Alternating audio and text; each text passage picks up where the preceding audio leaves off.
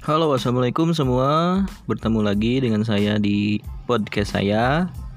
Hari ini Jumat tanggal 4 September 2020 saya akan membacakan beberapa berita-berita penting dan berita-berita terkini. Yuk kita langsung saja. Untuk berita yang pertama dikutip dari Tribun News BLT 600.000 BPJS Ketenagakerjaan Batch 2 cair, kapan pencairan BLT karyawan tahap 3 1,2 juta? Lalu, apa persyaratan pekerja dapat menerima BLT subsidi upah atau gaji dari pemerintah tersebut? Berdasarkan Peraturan Menteri Ketenagakerjaan atau Permenker nomor 14 tahun 2020, ada tujuh kriteria yang meliputi sebagai berikut. Yang pertama adalah warga negara Indonesia yang dibuktikan dengan nomor induk kependudukan atau NIK.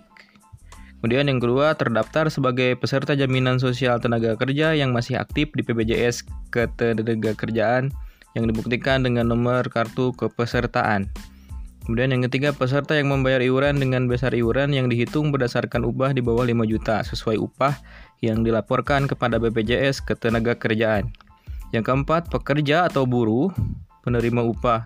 Yang kelima, memiliki rekening bank yang aktif. Yang keenam, tidak termasuk dalam peserta penerima manfaat program kartu prakerja. Dan yang terakhir adalah menjadi peserta yang terdaftar sebagai peserta aktif di BPJS Ketenagakerjaan sampai bulan Juni 2020.